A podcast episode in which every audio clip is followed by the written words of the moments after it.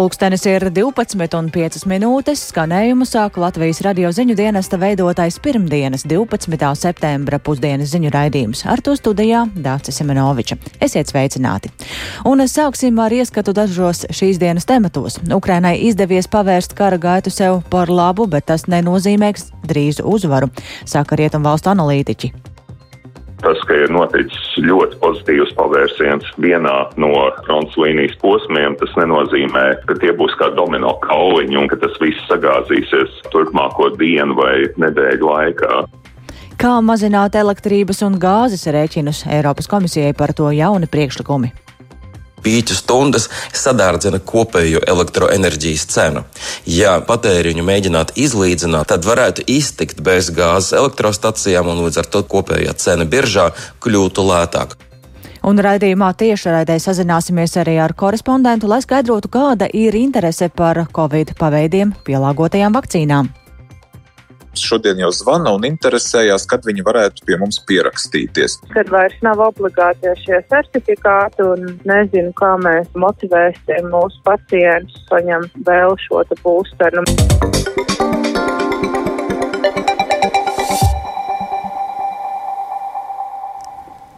Krievija atbildot uz Ukrainas armijas sekmīgo pretuzbrukumu operāciju valsts austrumos apšaudījusi Ukrainas kritisko infrastruktūru. Ukrainas vadītāji savukārt paziņojuši, ka valsts aizstāvju mērķis ir atkarot visu okupēto teritoriju. Rietumvalstu militārie analītiķi uzskata, ka Ukrainai ir izdevies pavērst kara gaitu sev labvēlīgā ritējumā, taču tas nenozīmēs drīzu uzvaru. Vairāk par visu stāsta Uldis Česberis. Daudz vietā Ukrainas austrumos aizvadītajā naktī un arī šorīt nebija pieejama elektrība un tekošs ūdens, jo Krievijas karaspēks apšaudīja elektrostacijas un citu kritisko infrastruktūru. Elektroenerģijas piegādes pārāvumi vai traucējumi bijuši Harkivas, Donetskas, Sumu, Poltavas, Dņipropetrovskas un Zaporīžas apgabalos. Elektroapgādes pārāvumu dēļ Ukrainas austrumos ir nopietni traucēta dzelzceļa satiksme. Krievija naktī apšaudījusi arī apdzīvotās vietas Ukrainas austrumos. Vismaz divi civiliedzīvotāji nogalināti, bet viens ievainots raķešu uzbrukumā Sineļnikovas rajonā Dņipropetrovskas apgabalā. Harkivā Krievu raķete trāpīja daudz stāvu dzīvojamam namam, nogalinot vismaz vienu un ievainojot vēl divus cilvēkus. Ukrainas prezidents Volodimirs Zelenskis Krievijas uzbrukumus kritiskajai infrastruktūrai valsts austrumos nodēvēja par kārtējo apliecinājumu tam, ka Krievija ir teroristiska valsts. Viņš piebilda, ka Krievijai neizdosies iebiedēt Ukrainu, kuras iedzīvotāji spēšot izturēt augstumu, badu, tumsu un slāpes, kas nav tik briesmīgas un biedējošas kā Krievijas piedāvātā tā sauktā draudzība un brālība. Vairākas dienas pienāk iepriecinošas ziņas par Ukrainas karaspēka pretuzbrukuma operāciju Harkivas apgabalā. Bruņoto spēku komandieris Valērijas Zalužņīs apgalvo, ka kopš 1. septembra armija ir atkarojusi aptuveni 3000 km2 teritorijas. Savukārt interneta medija agentstva žurnālisti, izanalizējot Krievijas aizsardzības ministrijas vakar publicēto karti par situāciju frontē Harkivas apgabalā, secinājuši, ka Krievi kopš mēneša sākuma varētu būt zaudējuši pat 8,6 tūkstošus kvadrātkilometrus iepriekš iekarotās teritorijas. Ukrainas aizsardzības ministrs Oleksijs Reznikovs intervijā izdevumam Financial Times sacījis, ka valsts aizstāvju sekmīgie pretuzbrukumi valsts austrumos apliecinot, ka Krievijas karaspēku var uzvarēt. Tajā pašā laikā Ukrainas armijai būšot jāgatavojas tam, ka Krievijas spēki mēģinās pārgrupēties un doties pretuzbrukumos.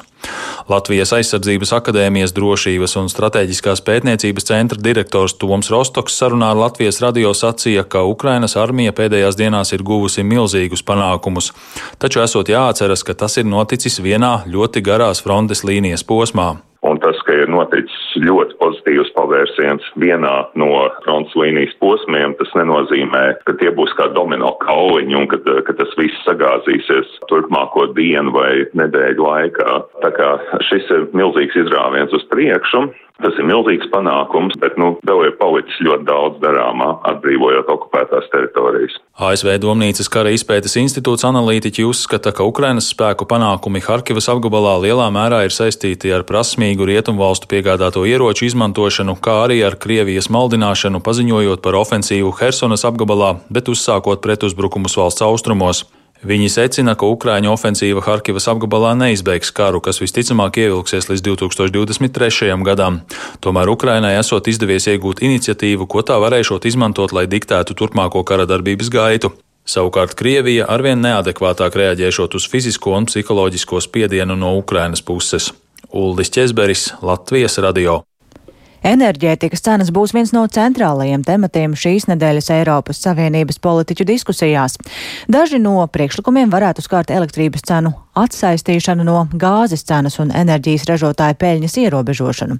Ir sagaidāms, ka Eiropas komisija nāks klajā ar jauniem priekšlikumiem, kā mazināt elektrības un gāzes rēķinus, un par to diskutēs arī Eiropas parlamentā. Tematam seko līdzi arī mūsu Briseles korespondents Arčams Konohovs, telefons sarunā minot vienu no būtiskākajiem paņēmieniem enerģijas cenas mazināšanai, ko šobrīd apspriež. Viens no risinājumiem, ko šobrīd Eiropas komisija apspriež ar dalību valstīm un kas varētu tikt iekļauts priekšlikumos, kas nāks šonadēļ, ir elektrības patēriņa mazināšanu pīķa stundās. Jo pīķa stundas ir tās, kas, kad eh, tiešām visvairāk enerģijas ir vajadzīgs, ir tās, kas prasa daudzās valstīs pieslēgt gāzes eh, stacijas, tad tās elektrostacijas, kas eh, ražo elektrību no gāzes, un tās tad ir visdārgākās. Proti, šīs pīķa stundas sadārdzina kopējo elektroenerģijas cenu. Ja e, patēriņu mēģinātu izlīdzināt un mazināt tieši tajos brīžos, e, tad varētu iztikt bez gāzes elektrostacijām, un līdz ar to cena, kopējā cena biržā kļūtu lētāka. Kā zināms, arī Latvijā šīs biržas cenas arī daudz ko ietekmē, un tas varētu arī uz mums e, daļai atstāt iespaidu. Tas ir kā viens no risinājumiem. Skatīsimies, vai tas būs kā obligātais mērķis noteikts dalību valstīm vai līdzīgi līdzīgi kā ar gāzi. Šis 15% eh, patēriņa samazinājums sākotnēji būs tāds vairāk kā, pieņemsim, risinājums, kas nāks no um, brīvprātīgiem. Ja? Tas, ir, tas ir viens no iespējamiem, un, protams, skatīties arī uz ražotāju milzu peļņu, mēģināt uh, to mazināt un, teiksim, peļņu virs noteikta apjoma no uzņēmumiem paņemt un to pārdalīt iedzīvotājiem kā tādus pabalstus, lai viņi varētu samaksāt šobrīd par savu apkuri un arī elektrību. Arī tas ir kā viens no potenciāliem risinājumiem. Ko šonadēļ varētu piedāvāt Eiropas komisija? Jo iepriekš tika runāts par gāzes cenu griestiem un arī elektrības patēriņa samazināšanu šajās pīķa stundās. Ko tas varētu dot? Tik tiešām tas varētu dot um, samazinājumu rēķinos, un uh, tas tiek uzskatīts par tādu intervenciju, iejaukšanos tirgu, kas ir pamatot ar krīzes situāciju, bet tad tālāk, protams, jāskatās arī ilgtermiņā. Un ilgtermiņa um, izmaiņas elektroenerģijas tirgu varētu uh, skart jau, pieņemsim, šo gāzes cenas atsaisti um, un uh, formulas izmaiņu, lai varētu mainīties arī tas, kā tad kopumā tiek aprēķināta cena, lai gāze uz to atstātu mazāku ietekmi. Tas ir tas, kas eh, varētu arī nākt klajā. Un, protams, arī Jautājums par um, to, ka Krievijai būtu jāmēģina mazināt, eh, mums eh, tad, tad rietumi vēlas mazināt Krievijas peļņu, ko tā saņem no gāzes un naftas pārdošanas, un arī par cenu griestiem. Šeit būs noteikti runa. Kā pēdējo dienu Ukrainas spēku panākumi frontē varētu ietekmēt lēmumus Eiropā? Visa Eiropa noteikti ar ļoti lielu interesi raugās uz to, kas notiek, jo tas varētu, protams, ietekmēt potenciāli arī šo jautājumu par enerģētikas cenām. Un šobrīd daudz viet izskan tas, ka nu, būtu jāpātrina ieroču piegādes, lai Ukraina varētu noturēt tās teritorijas, ko tā tagad ir atguvusi. Ar Briseles korespondentu sarunājās Dāra Zīle. Un svētdien notikušajās Zviedrijas parlamentā Rīgsdāga vēlēšanās ir uzvarējis labējo partiju bloks, nedaudz apsteidzot kreiso partiju koalīciju. Tā liecina provizoriskie rezultāti. Vēlēšanās visvairāk 30% balsu ir saņēmusi premjerministres Magdalēnas Andersonas vadītā sociāldemokrātiskā partija savukārt otrajā vietā ar vairāk nekā 20% saņemto balsu ir labēji radikālā partija Zviedru demokrāti, kuras pārstāvji jau ir paziņojuši, ka vēlas uzņemties nākamā jaunās valdības veidošanu. Tikai trešajā vietā ar 19% finišējusi konservatīvā moderātu partija, kas gadu desmitiem bija otra visplašāk pārstāvētā frakcija parlamentā. Oficiālos vēlēšanu rezultātus ir public, eh, paredzēts publicēt trešdien, kad būs saskaitītas ārvalstīs nodotās Zviedrijas pilsoņu balsis.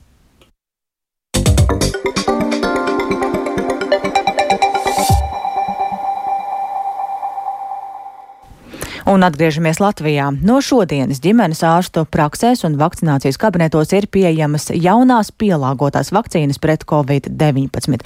Un, lai uzzinātu, cik tad aktīvi tās pasūtījuši ģimenes ārsti un cik liela ir iedzīvotāja interese šajā brīdī, esam sazinājušies ar kolēģi Kristapu Feldmani. Sveiks, Kristap! Sveika, Dārsa! Labdien, Latvijas radio klausītāji! Tātad no šodienas ir pieejamas pielāgotās vakcīnas pret covid-19. Ko saka ģimenes ārsti, kāda ir viņu atsaucība vakcīnas pasūtot uz savām prakses vietām? Jā, nu kā jau tu minēji, no šodienas ir iespēja saņemt šīs bivalentās vakcīnas, un proti tās ir pielāgotas, lai būtu efektīvas gan pret klasisko covid-19, gan pret tā saukto uh, omikronu paveidu. Uh, runājot ar ģimenes ārstiem, saprotu, ka atsaucība ir ļoti dažāda, bet tas gan nav tik daudz atkarīgs no pašiem ārstiem, kā no viņu pacientu vēlmes un atsaucības vakcinēties. Visnotaļ skumju ainu man iezīmēja Liepājas ģimenes veselības centra ģimenes ārste Linda Reicle. Viņa jau vairāk kārt pandēmijas laikā ir stāstījusi, ka pasūtītās vakcīnas gluži vienkārši pie viņas nenonāk, viņa tas nesaņem. No nu, ar pirmo reizi pasūtāt, tur, tur tāda dziļāka darbība jāveic un vairākas reizes jāprasa. Nu, un arī šobrīd viņas praksa vēl nav saņēmusi jau agrāk pasūtītās iepriekšējās paudzes vakcīnas. Savukārt, runājot par pielāgotajām vakcīnām, tādas šajā praksē šobrīd nav pasūtītas, jo iedzīvotāju interese gluži vienkārši ir ļoti zema. Varētu teikt, ka nav vispār. Visi, kuri vēlējušies, ir savakcinējušies ar šīm iepriekšējās eh, paudzes vakcīnām jau iepriekš, un nesot nevienu, kurš gaidītu tieši šīs jaunās vakcīnas. Lūdzu, doktoris Reicls sacītais.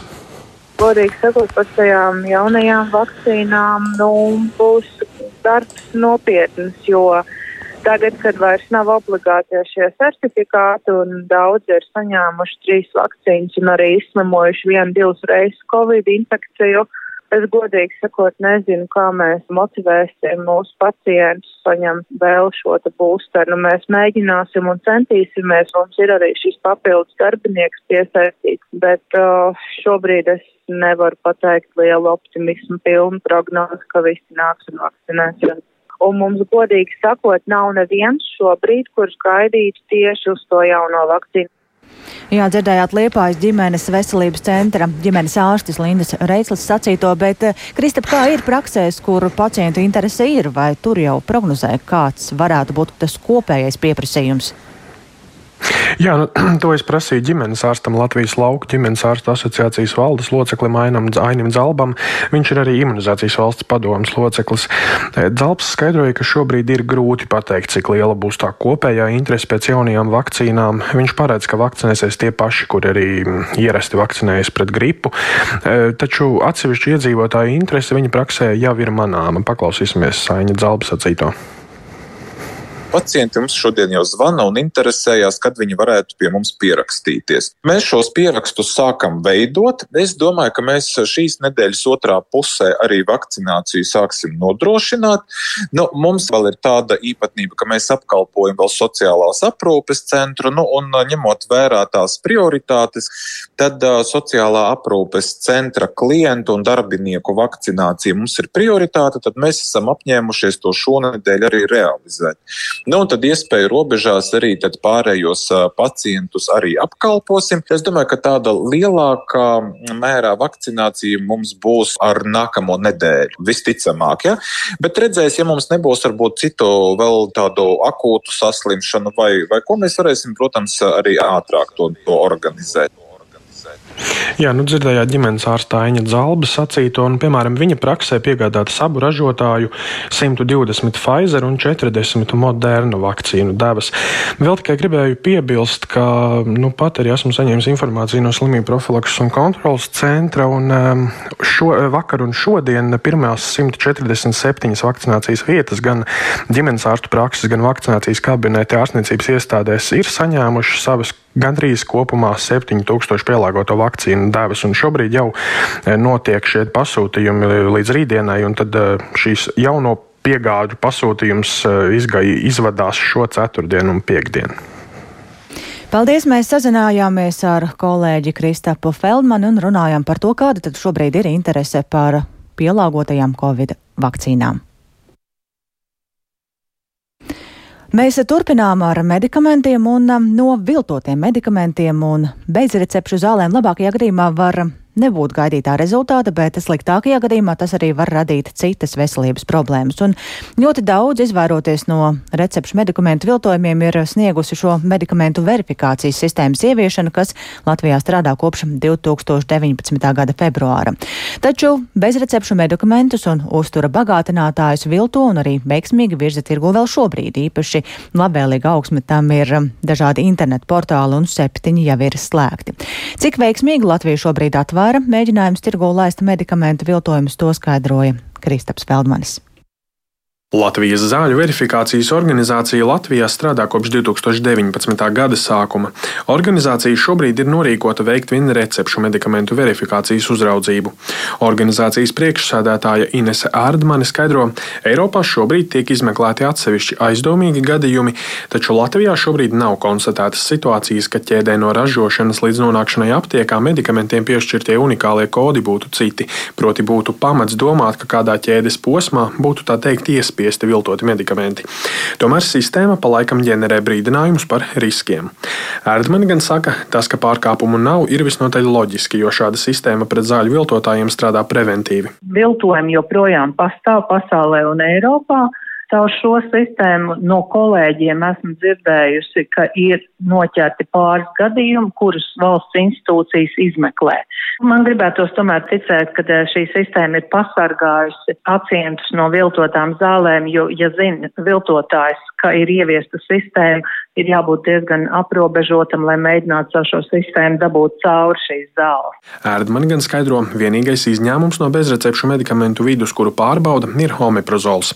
Tas tādēļ, ka pieredze rāda, homeprozolu saturošie bezrecepšu medikamenti savulaik bijuši augsta viltošanas riska grupā. Tas gan nozīmē, ka pret bezrecepšu medikamentu un uztura bagātinātāju viltojumiem ar verifikācijas sistēmas palīdzību cīnīties šobrīd nevar.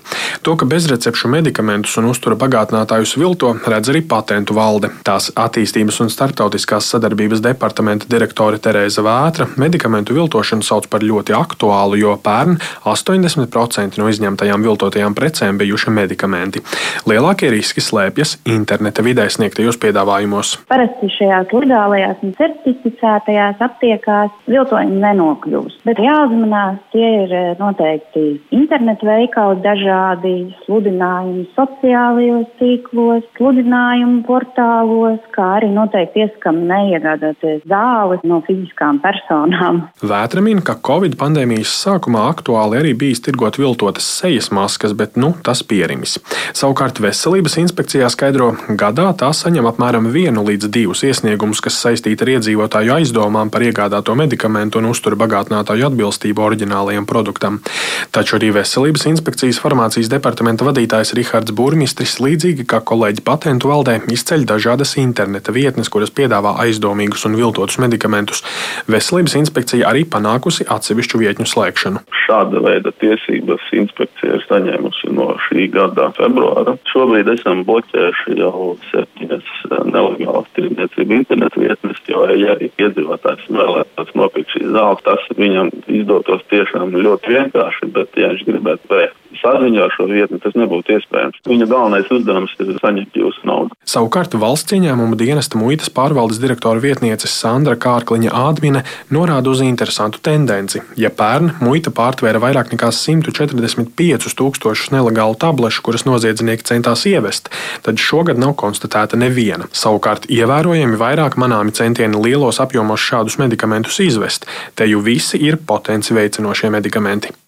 Savukārt Rīgas ielās uzrunātie iedzīvotāji sakās, medikamentus un uztura bagātinātājus iegādājas vien aptiekās un zinām aptieku interneta vietnēs, taču uz aizdomīgiem piedāvājumiem dažādās nezināmās interneta vietnēs gan raugās skeptiski. Nu, ir sanācis no Anglijas, no vitamīnus vairāk, kaut kas arī no Amerikas nāca. Protams, ka ir svarīgi. Jā. Facebookā tur ir rakstīts jābūt tiem brīnumu līdzekļiem saucamiem, bet tos neņem pa pilnu. Es pērku tikai aptiekās. Nu, drošāk noteikti tas ir. Gadījumā, ja rodas aizdomas par viltotiem medikamentiem, vispareizāk par to ziņot valsts policijai un veselības inspekcijai, kuras tālāk var veikt nepieciešamās pārbaudas un veikt iespējamo pārkāpumu izmeklēšanu. Kristaps Feldmanis, Latvijas radio.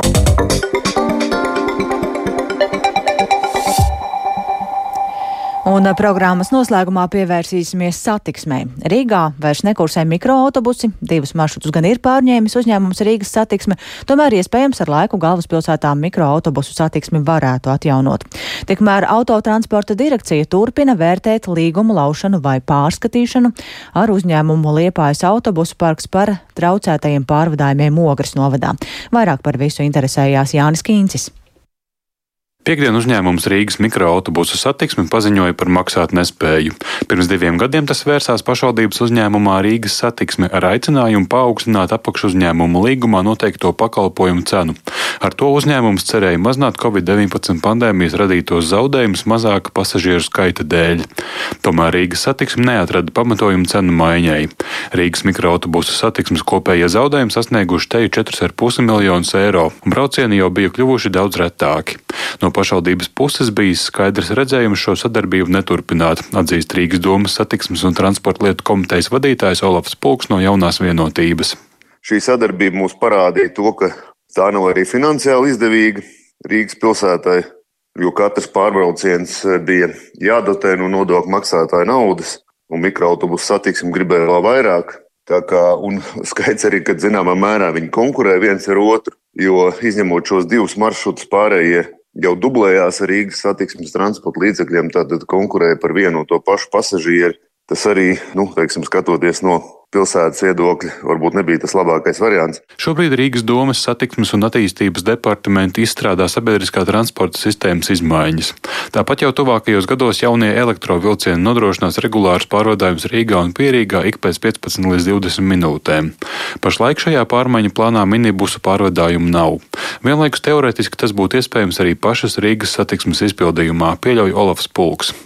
Pašlaik no Rīgas satiksmes puses visas saistības ar Rīgas mikroautobusu satiksmi ir pabeigtas. Kopš 2019. gada tie bijuši 25 miljoni eiro dotācijās par pasažieru mikroautobusu pārvadājumiem pilsētā, apliecina Rīgas satiksmes pārstāve Baiba Bartaševiča Feldmane.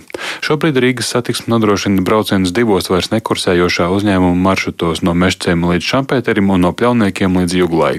Pat labāk mēs veicam darbības, lai pēc iespējas ātrāk šos maršrutus varētu iekļaut arī Rīgas satiksmes kopējā autobusu tīklā.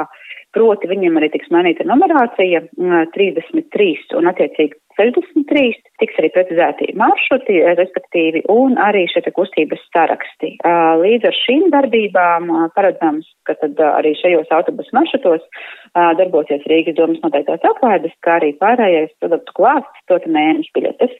Pārējie ekspresu maršruti gan ir slēgti un būs arī slēgti. Vienlaikus autotransporta direkcija turpina aptauju par citu pārvadātāju iespējām pārņemt braucienus Ogres novada teritorijā.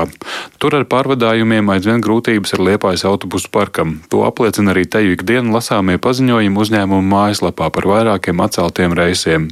Vairāk problēmu saglabājas Ogres novadā, tāpēc iespējams noslēgto līgumu par pārvadājumiem Ogres un aizkrauklas novada maršrutu tīklos varētu laust daļēji, komentēja autotransporta direkcijas pārstāvis Viktors Zaķis. Tiek uzskaitīti, un mēs sakojam līdzi, protams, visām šīm reizes neizpildēm un arī citiem pārkāpumiem, kas mums sākotnēji tur bija arī attiecībā uz, uz biļešu izsniegšanu un nepieturēšanu pieturiet. Protams, ka mēs esam skatījuši arī autotransporta direkcijas pusē par to, ka varētu iespējams, ka šos divus novadus atdalīt. Jo, kā jau es pašā sākumā teicu, aizkrauklis novads nesaskarās šobrīd ar, ar, ar reisu neizpildēm. Problēmām pārvadājumu jomā uzmanību pievērsis arī valdības vadītājs, uzdodot satiksmes ministrijai izvērtēt iesaistīto institūciju un amatpersonu atbildību par pasažieru pārvadājumu problēmām Ogres un aizkrauklas novadiedzīvotājiem. Jānis Kincis, Latvijas radio. Vēl tikai piebildīšu, ka šodien sākas būvniecība 48 dzelzceļa stacijās un pieturas punktos Kruspils, Salkrastu, Tukumu un Jelgavas virzienā līdz nākamā gada beigām šajās stacijās modernizēs un paaugstinās peronus. Un ar to izskan ziņu dienesta veidotā programma Pusdiena. Producents Viktors Pupiks ierakstus montēja Kaspars Groskops par labskaņu rūpējās Iveta Zvejniece un ar jums sarunājās Dācis Semenoviča. Vēl īsi par svarīgāko. Ukrainai izdevies pavērst kara gaitu sev par labu, bet tas nenozīmēs drīzu uzvaru, tā saka rietumvalstu analītiķi.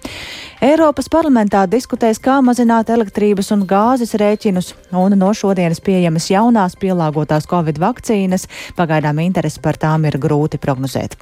Mūsu ziņām var sekot līdzi arī Latvijas radio viens Facebook lapā, arī LSMLV un arī raidierakstu platformā kā dienas ziņas un Latvijas radio mobilajā lietotnē.